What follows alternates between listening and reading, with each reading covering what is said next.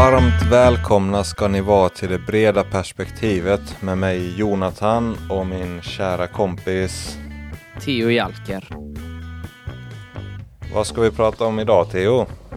Ja, idag är det väl lite eftersnack efter det förra avsnittet, eh, intervjun där med Martin.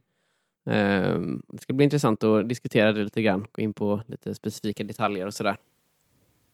Ja, så vi tänkte prata, göra ett eftersnack och så det blir ju lite om BIM, effektivisering och lite om programmen, kanske lite om eh, framtiden inom vad vi tycker är spännande i, i framtiden inom byggbranschen. Men, men vi pratade lite här innan just att vi fastnar för det här med effektiviseringen i byggbranschen. Mm. Hur, hur, känner du att eh, utvecklingen går? Alltså vi, vi, vi är ju bägge unga människor om vi säger så. att Vi är ju så vana att eh, ja, man betalar räkningar med BankID på nätet och man swishar mm. och så. Men, och så kommer man till byggbranschen och så känns det som ett bomstopp många gånger.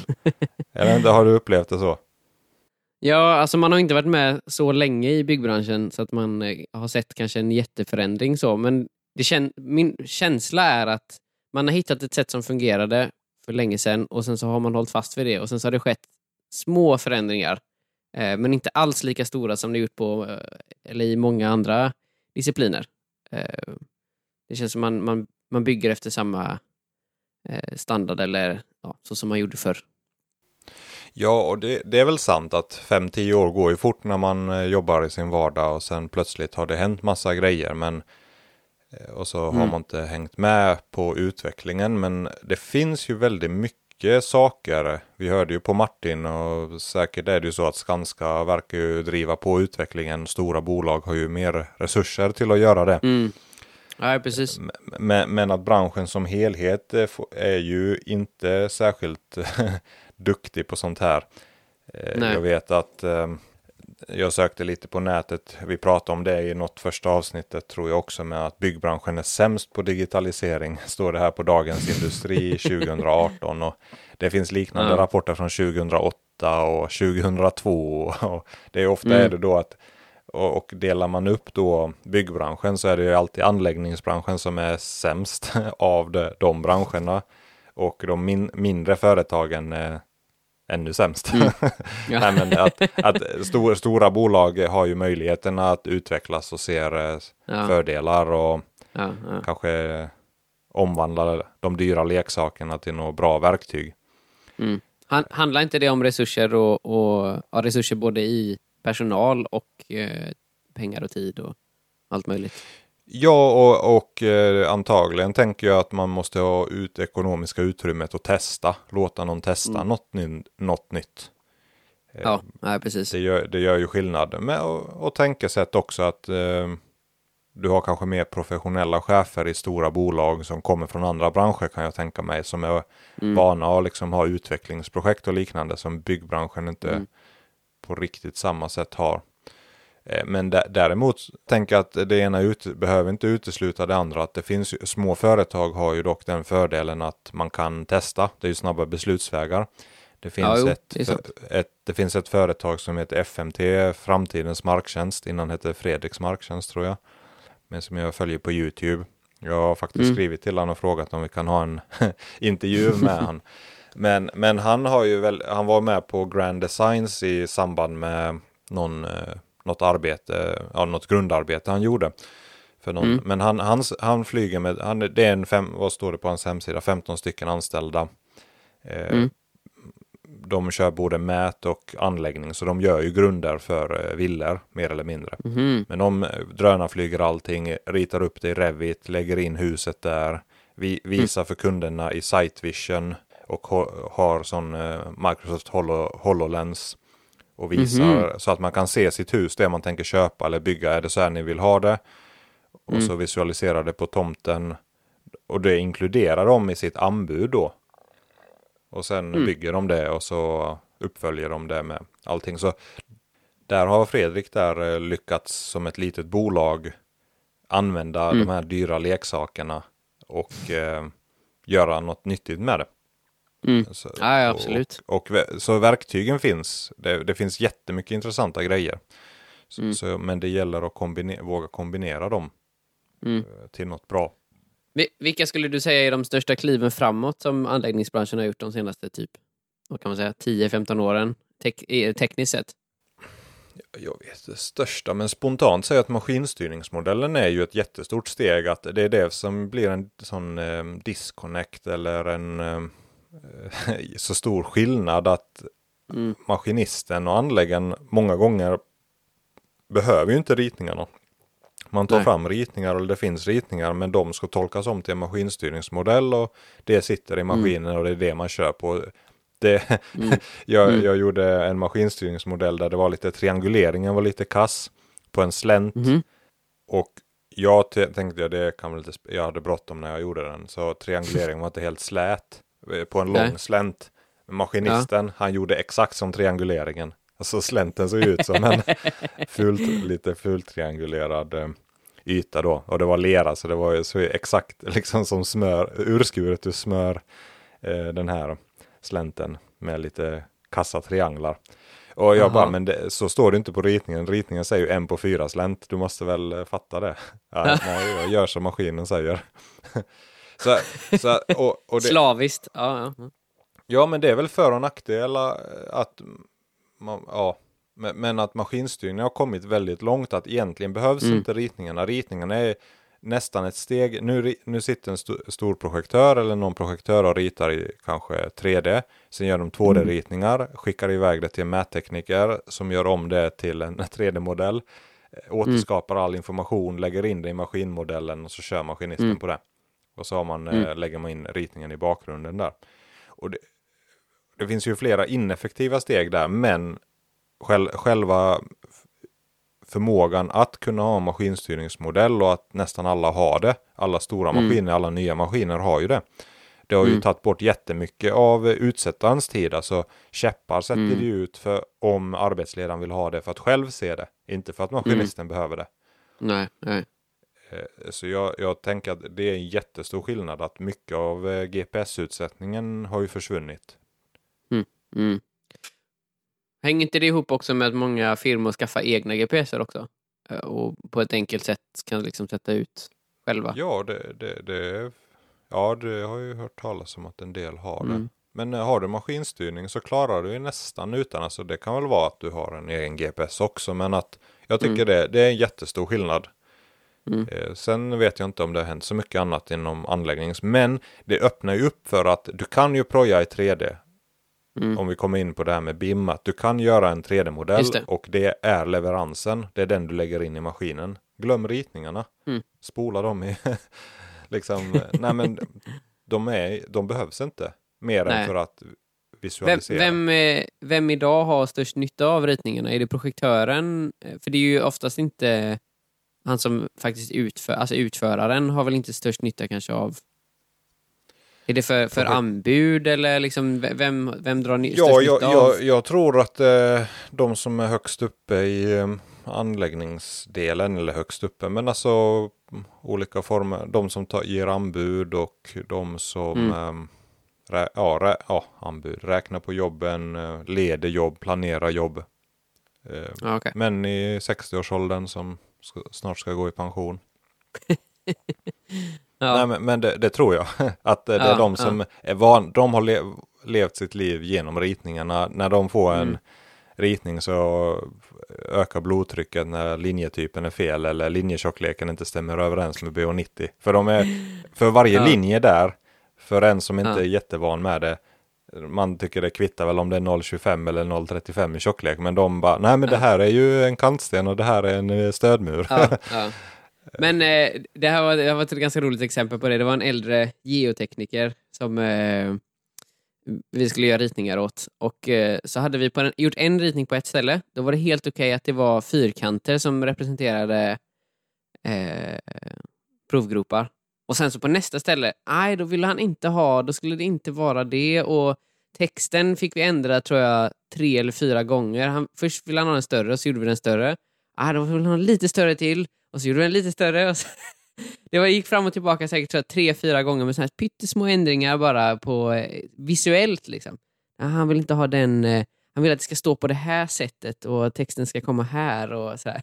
Okej, Okej, ja, absolut, vi, fixa det, men det blir en väldigt dyr ritning när man ska ändra på typ typsnitt på texten och... Eh. Men jag tror ritningar är hindret. Att det, det är fortfarande det huvudsakliga kommunikationsmedlet och läser du i kontrakt så är det en kontraktuell handling. Och beställare har, vet inte hur man kräver BIM-modeller. Helt enkelt, alltså 3D-modeller mm. och egentligen är det ju BIM-modeller då man pratar om. Mm. Och då finns det ju bra guide på de här BIM Alliance. Det finns en eh, organisation som heter BIM Alliance i Sverige. Och eh, som är någon slags samarbetsorganisation. Jag har inte jättebra koll men jag kollar lite här på deras hemsida. att De har som guider hur man som beställare ska agera om man vill använda BIM i sitt projekt. Typ guider, vad ska man kräva som leveranser? Så, mm. så det är ju det steget som fattas. Att man, jag tror inte att man, att man vågar gå över dit. För som ett exempel nu, faktiskt efter, under och efter det avsnittet jag pratade med Martin, det är ju ett par mm. veckor sedan nu, så mm. han pratade om Dalux där i slutet och jag visste inte vad det var, men som det hände sig så i det projektet vi jobbar i nu, ett projekteringsprojekt, där skulle ju allting in på Dalux. Så det, det är en webbaserad eh, samarbetsportal kan vi säga. Många kanske känner igen iBinder och liknande där man lägger upp sina mm. ritningar och CAD-filer och så. Men det här är, mm. eh, har de funktionaliteterna men också en eh, du kan titta på 3D-modellen i webbläsaren eller i mobiltelefonen. Mm. Så alla laddar upp sina 3D-modeller, alltså BIM. Man laddar upp eh, ja, modellfiler i IFC, själva formatet. Ja, men då kan man klippa i ett plan till exempel. Man kan bestämma ta fasadplanet och så kan man skjuta som en, en skiva eller en sax genom allting. Då kan man ju se som en genomskärning eller en sektion på allting. Eller man kan göra det i alla plan. Du kan släcka och tända mm. olika delar av byggnader. Och arkitekterna har ju, de är ju, man ser ju det. Och eh, de inre disciplinerna är ju otroligt långt framme. Det, det är mm. nästan så att man kan eh, man kan se varenda dörrhandtag eh, där i modellen. Att eh, hela köket är modellerat. Vi, det var ju första gången vi var med på något sånt. Så, och även de hade med sig marken för första gången. Så jag var ju mm. jätteglad att lyckades få över marken in, in i den modellen. Men, men eh, innan man pratar kanske om de tekniska sakerna så är det ju otrolig nytta av det, tänkte jag. Att så enkelt att se vart det krockar. Vad behöver vi justera? Nej, men våra stuprör kommer inte upp samma ställe som stuprören på fasaden. Och hur ansluter vi inre VA? Vart krockar det i höjdled under plattan? Så mm. enkelt att samordna sånt. Mm. Eh, som hade tagit så omständigt med ritningar och 2D-skisser och liksom mm. och så mm. hade det ändå blivit fel.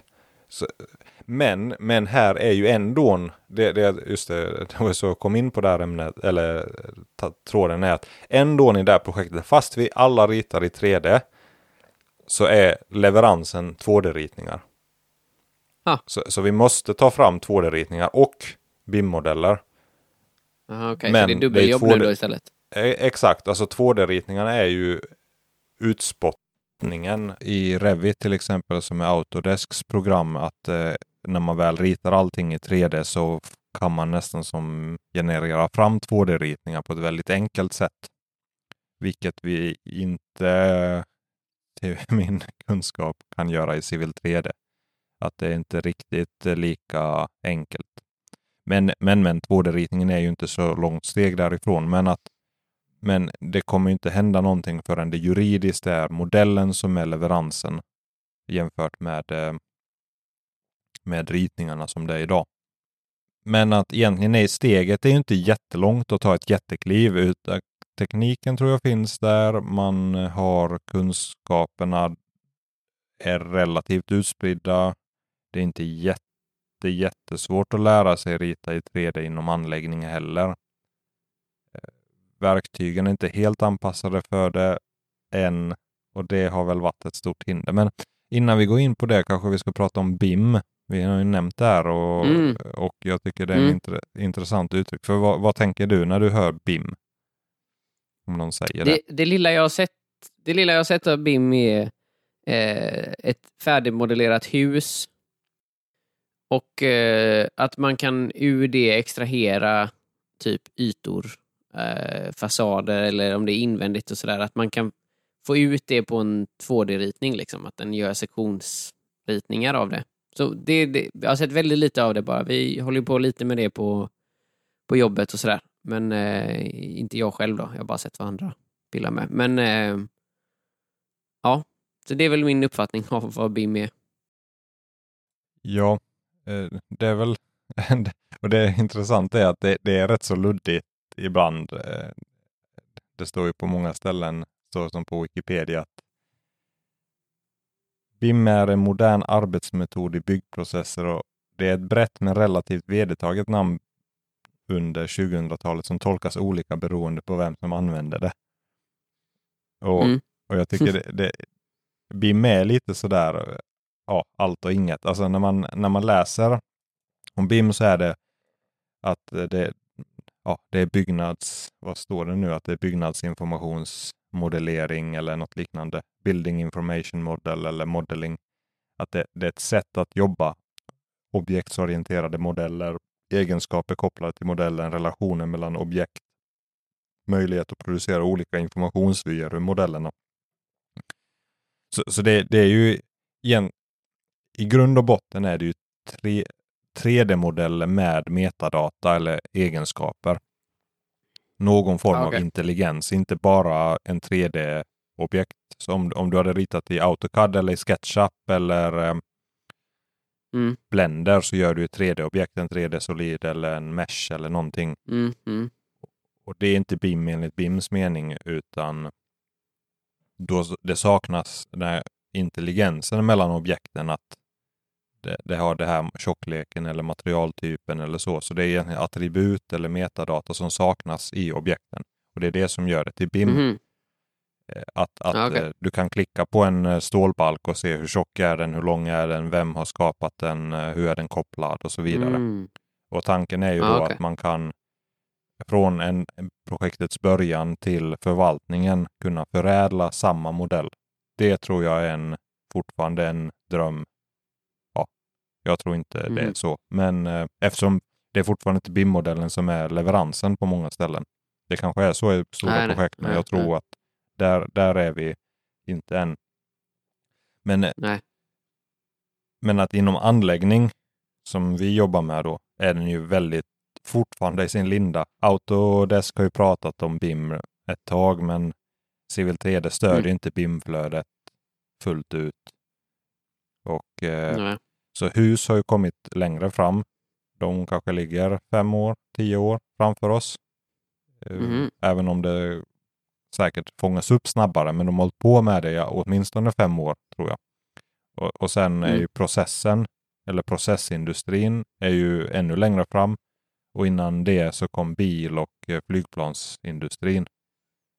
Så mhm. anläggningsbranschen mm. ah, okay. är ju sämst i, sämst i klassen där återigen då. Mm. Sen kan det ju vara hur, hur, ska vi ta oss framåt då? Vad, vad, vad tror du lösningen är? Nej, men det blir väl att om du är en ung arbetsledare eller projektledare så kräv BIM. Det är väl inte så svårt. Jag, nej, men, men, men, inom vetenskapen säger man att vetenskapliga framsteg går fram ett, ett, eh, ett dödsfall i taget.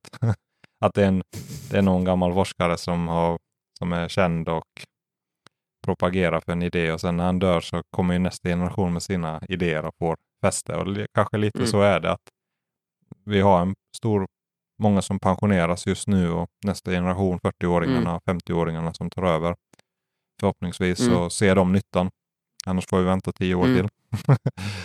eh, för, jag, för jag tänker att skulle jag haft hand om ett projekt så det är ju, jag tror det är bara att säga att nu kör vi BIM nu levererar vi BIM, nu mm. får ni den här portalen, släng in modellerna, leverera IFC-modeller där. Vi ska, visst kanske vi spottar ut 2D-ritningar, men de är bara för information. Det är inte för att, eh, det är inte leverera, utan som i anläggning, det blir maskinstyrningsmodell. Vi kommer ha BIM-modellen i en app i telefonen, så klickar vi på den. Den här brunnen är 400 och eh, botten ligger på 185,0. Ja, ja, men, och sen mm. kan grävmaskinisten gräva där och utsättaren ta ut data därifrån. Verktygen finns där, men det handlar om att våga. För jag, för jag föreslog för det här entreprenadföretaget nu som vi har, eftersom vi har ritat det här i BIM och det är först, ja, BIM, men 3D-modeller. I, i på skruv och mutternivå så har vi ritat det i Civil med Surfaces och Pipe Networks. Vi har exporterat dem Mm. till 3D-solider, exporterat 3D-soliderna till IFC eh, och lagt på property set data med extended attributes på rören och surfacen. Och sen har koordinattransformerat dem så de passar med arkitekternas modell och sen lagt upp det på den här portalen. Det, det är BIM. Låter jätteenkelt. Det, ja. men, men att i princip så ritar man i 3D i Civil 3D med verktygen och så exporterar man ut Mm. det. Eller, eller man kan göra det i Topocad tror jag kanske är enklare. Eh, Man gör 3D-solider och så lägger man på metadata på dem och så exporterar man till IFC. Så det är en IFC-fil som är slutresultatet. Mm. Och det är häftigt faktiskt. Eh, Och då finns Ja. det ju program som Navisworks som Martin nämnde också. Det är ju i Ja, AutoCAD precis. ser ut. Och det, det är egentligen som en aggregator eller en uppsamlare av olika data. Och Det är lite som en sån här Dalux-portal fast ett program. Eh, du kan slänga in olika modeller. Det som är det fina där är ju att du kan göra krock, eh, krocktester. Till Mm. exempel om du kollar en rörmodell mot andra rörmodeller så kan du den, den flagga för här krockar vi eller här är vi för nära varandra. Och då, då får du en lite hjälp på vägen. Du kan göra tidsstyrning där. Du kan till exempel styra delarna att okej, den här delen måste byggas före den delen och den delen. Så du schemalägger hela bygget. Och då kan du animera det också i programmet och se att eh, här nu, ja, vi kan inte bygga den här delen eftersom det finns inget som håller upp det. Så, så, så man, man så, så du kan tidsschemalägga det. Jag tror ibland kallar man det kanske 4D, 4D, alltså det är montageordningen eller tidplanen. Sen Mm. ibland säger man 5D och då är det att du kan göra en kostnadsavtagning eller mängd kostnad direkt i programmet. Att du har taggat i princip objekten med, till exempel som en brunn skulle du kunna koppla ihop med en prislista.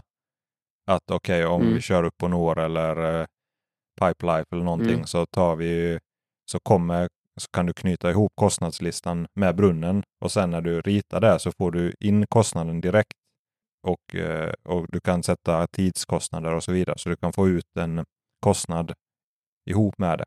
Ah, Men, men grejen är att man orkar inte göra allt det här om ingen kräver det. Och ingen kräver Nej. det om de inte ser nyttan av det. Så det är det, jag tror man är i den Nej. här catch 22 eller hönan och ägget. Vem, vem tar första steget? ja. Och då måste det vara någon som Ja, har sett, ja. okej det här kan man göra. Nu kör vi. Ja, ja, precis. Någon, någon måste ju se värdet, precis som du säger, någon måste se värdet och vara villig att betala för det också. Det är väl det mycket det hänger på. Tiden kan man ju lägga på det, men man ska ha betalt för det i så fall också. Ja, men det är... Frågan är om det blir dyrare. Jag Mm. tror inte det. Ritningar tar lång tid Nej, att det göra. är sant. Ritningar tar, det Ja. är inte snabbt.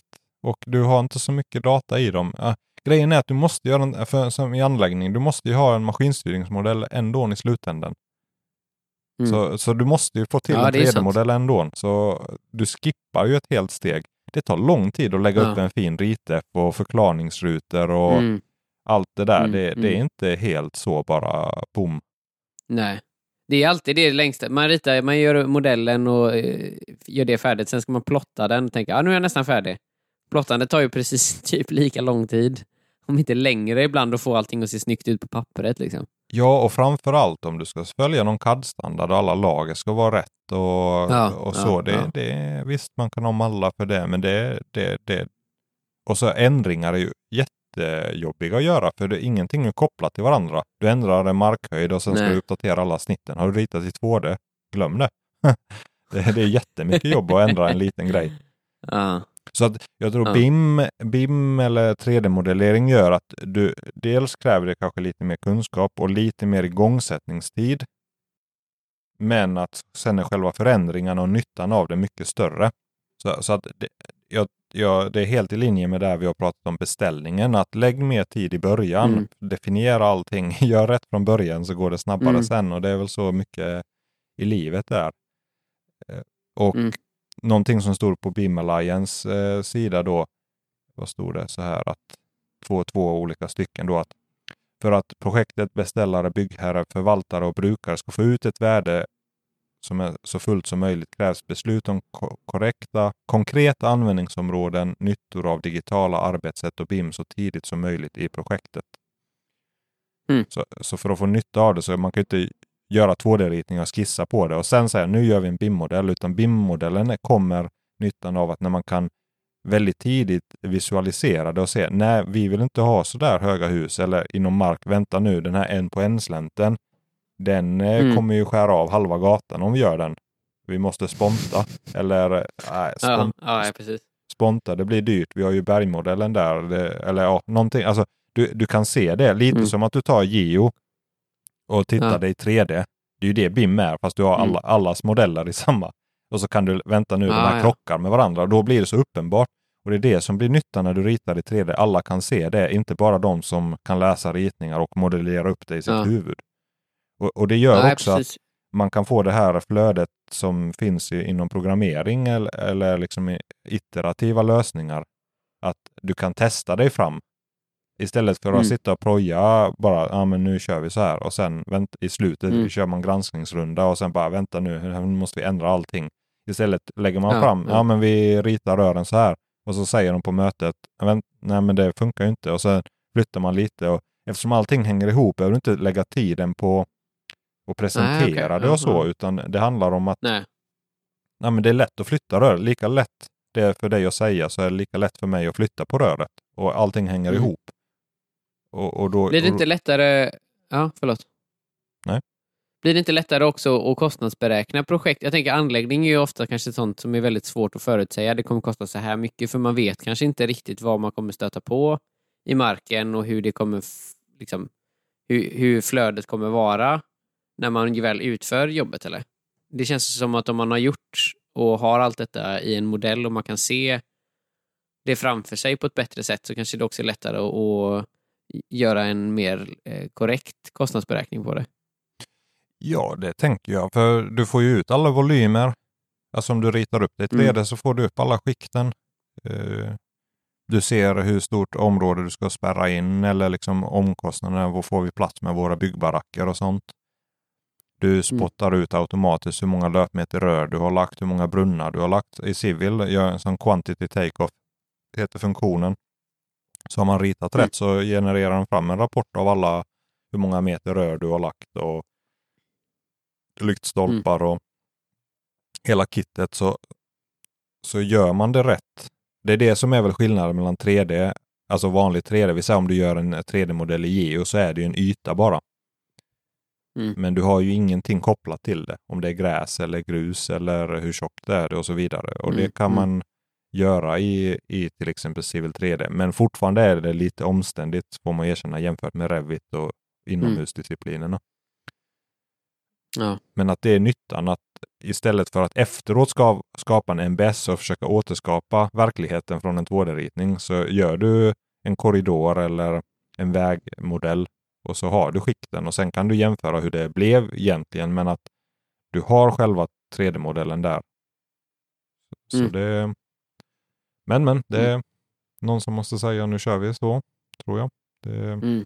Men det kanske behövs många som, eller fler sådana som Martin inom bygg som driver utvecklingen framåt. Han var ju väldigt eh, på så och liksom testa nya grejer. Ja, men säg han, alltså i vår generation, alltså när vi blir arbetsledare eller lite högre, jag vet inte vad de heter, eh, mm. projektchef eller beställare. Alltså det är väl framförallt beställare. det, mm. När de kräver det så kommer det finnas mm. en skock med unga mm. grabbar som vet, vet vad mm. de ska göra.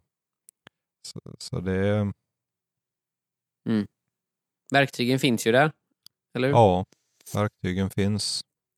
Om än inte helt mm. perfekta. Autodesk pratar ju väldigt mycket om det här med BIM och cloud construction, så man får se vad det kommer. Det är fortfarande lite omständigt att, att tagga de här 3D-soliderna som man skapar med property set data. Det kräver lite skriptning och VBA-skript och lite workarounds. Det är inte helt, eh, mm. helt lätt, men jag tror Nej, okay. för varje för varje release så blir det lättare. Det finns plugin du kan köpa, Naviate till exempel som Symmetri har. Betalar de 20 000 Mm. så går det rätt så mycket enklare för dem att utveckla funktioner för Mm. det. Ja, okej. Men, men det kommer ju bli lättare. Men, men det är ju det att anläggningen ligger efter helt enkelt. Mm. Så BIM, Ja, det är väldigt intressant. Ja. BIM är framtiden alltså. Ja, alltså vad, vad tar vi? Vad är BIM för någonting? Både på hög nivå och i faktisk, faktisk nivå inom anläggningsbranschen. Du frågar mig detta nu alltså? Ja, jag har ju pratat om det nu.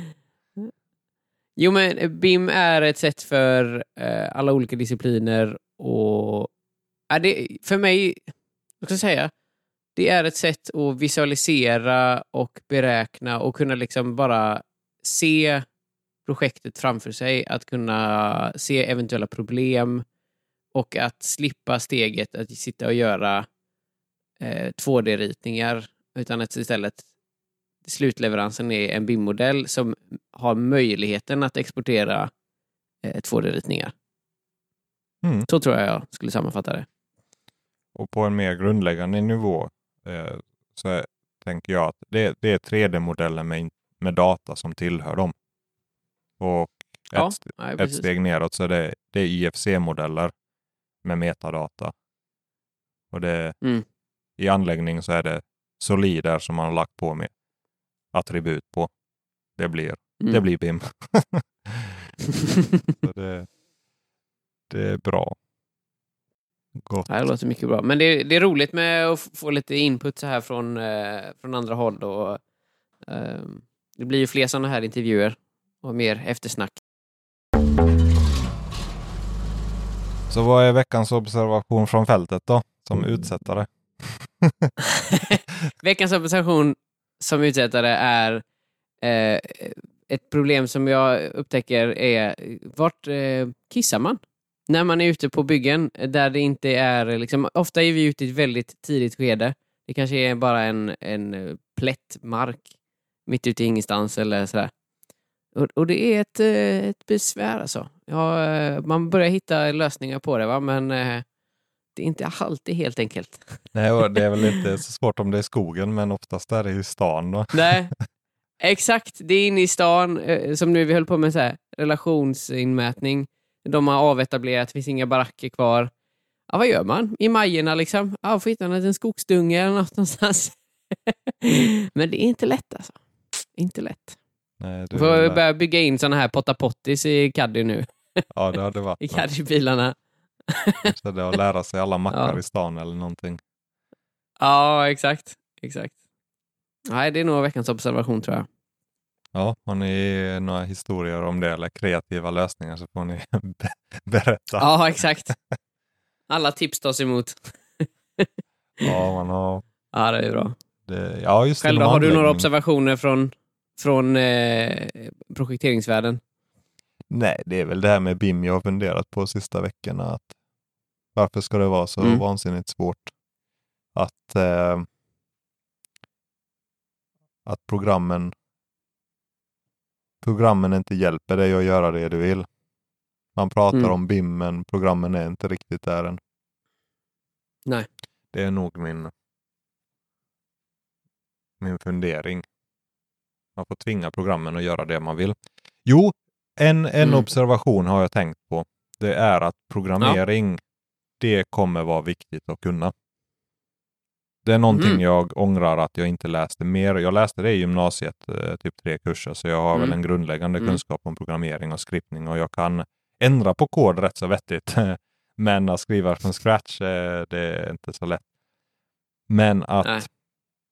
Säg Dynamo. Okej, ja, just det. Dynamo. Dynamo är ett plugin till AutoCAD eh, eller Civil 3D och Revit där man kan programmera kaddandet. Och Ja. då kan du till exempel om du vill skapa ett eh, sheetset där du har alla dina ritningsblad och länkar ihop allting så kan du göra det i Dynamo och länka ihop allting. Det är som ett visu visuellt programmeringsspråk som Autodesk har Mhm. gjort. Okej. Ja. Och då, då kan du koppla, du behöver inte skriva in allting själv utan du kopplar ihop olika noder som gör olika Mm. saker. Det är som att göra lego så drar du streck mellan dem och de gör saker. Men du måste ändå kun- kunna programmering eller det här tänket att okej, om jag ska göra någonting så måste man eh, dela upp ja, alla steg som behövs för att utföra det. Och det är inte så lätt. Men jag såg till exempel förra Autodesk University så visade de hur de gjorde en tunnel, en järnvägstunnel med prefab-element. Och då var det två killar på typ två dygn som hade gjort en hel tunnel med alla element och alla fundamentstolpar. Och de sa, jag kommer Oj. inte ihåg, men tog det kanske 20 man i någon, en, två månader att göra det innan. Oj. Och det de gör Det är är, ju att du har, om, du har en tun- ja. om du har en tunnellinje så kan Mm. du, det är väldigt programmerat, alltså du vet att du har en ring och så, du kan beskriva det med formler. Allting hänger ihop och så kan du generera Ja. fram en 3D-modell som går till pre, en prefabbare. Eh, Och, och det är väldigt fascinerande och det, det var väl mer ett konceptuellt exempel hur man kan göra men jag ser ju det att nu verktygen börjar komma att kan du programmera så kan du får ju hävstång på din tid att alla sådana här enkla uppgifter, jag tror sånt kommer försvinna mer och mer. Alltså yrket kommer bli mer och mer avancerat. Och ju, och ju mer du kan programmera, desto mer nytta får du. Och det här gäller ju inom eh, Teams. Du kan ju programmera Teams och du kan koppla ihop datorer. Att du får, ett mejl och så lägger det till det på din orderhanteringssystem och det loggar Mm. det någon annanstans och det plingar till i din telefon. Och det finns så mycket sån här enkel programmering som finns nu för tiden. Och det, är en, det är en superkraft. Eh, att kunna programmera. Ja, det är det. Och det behöver inte vara så på så avancerad nivå, men att men ändå att du kan styra, göra dat- automatisera saker på datorn. Det har jag tänkt på att det, det är någonting jag tänker eh, ta tag i och börja ta tag i. Mm. Ehm, Ja, det låter mycket bra. Mycket, mycket bra. Kul! ja, Jag ska hitta ställen att kissa och du ska lära dig programmera. gött. Då har vi ambitionsnivån där. ja, jag tycker det är roligt bara, Arbetsmiljöverket, de körde väl någon sån reklamkampanj för, var det i våras eller när det var, där det stod typ gå på toa. Ja, absolut, gå på toa, men vart? Det är mitt, större, det är mitt problem. Jag ska skriva till Arbetsmiljöverket. absolut. Nej, mycket bra. Jag har besök av mina vänner på Kretslopp och vatten här som håller på och paddar utanför. Jaha, Om det hörs. nej det hörs ingenting. Det är bra. Nej, vad bra. Mycket bra. Jo, det hörs. Ja. En padda som går mot asfalt hör jag. Ja, exakt. De har lagt ut kallasfalt här och på lagar. Bra. Men eh, vi länkar Härligt. till de här olika sakerna som vi pratar om här. Eh, hör gärna er av er. Vad, vad tänker ni BIM inom anläggning? Hur långt eh, har ni kommit där ni jobbar? Vad har ni för tankar och observationer kring det? Det hade varit jätteintressant att höra. För det, det här är ju någonting som Mm. kommer eh, påverka, drabba, ta över vår bransch. är jag helt övertygad om och hoppas också på. Men hur gör ni? Vi är ju bara små spelare i en liten del och det hade varit väldigt Ja. intressant att höra hur större, större grabbar leker på sina arbetsplatser. Hur de, hur de gör. Så hör av er. Ni har ju mejlen jonathanlandskaparen.se. LinkedIn har jag börjat använda. Det kan jag tipsa om. Väldigt bra. Där hittar man väldigt det, det är där yrkespersoner hänger. Jättemycket intressanta grejer som släpps där och man får ser vad som händer i branschen. Så det kan jag tipsa Mm. om. Där, där finns jag. Var hittar man dig om man vill Mm. skriva om toatips? LinkedIn tror jag är bäst också. Jag har också börjat använda det mycket mer nu. Så eh, man hittar mig under Theo Jalke på LinkedIn. Det är nog bästa sättet att nå mig. Snyggt. Tack för att ni tog er tid att lyssna. Ha det gött. Ha det gött! Hej!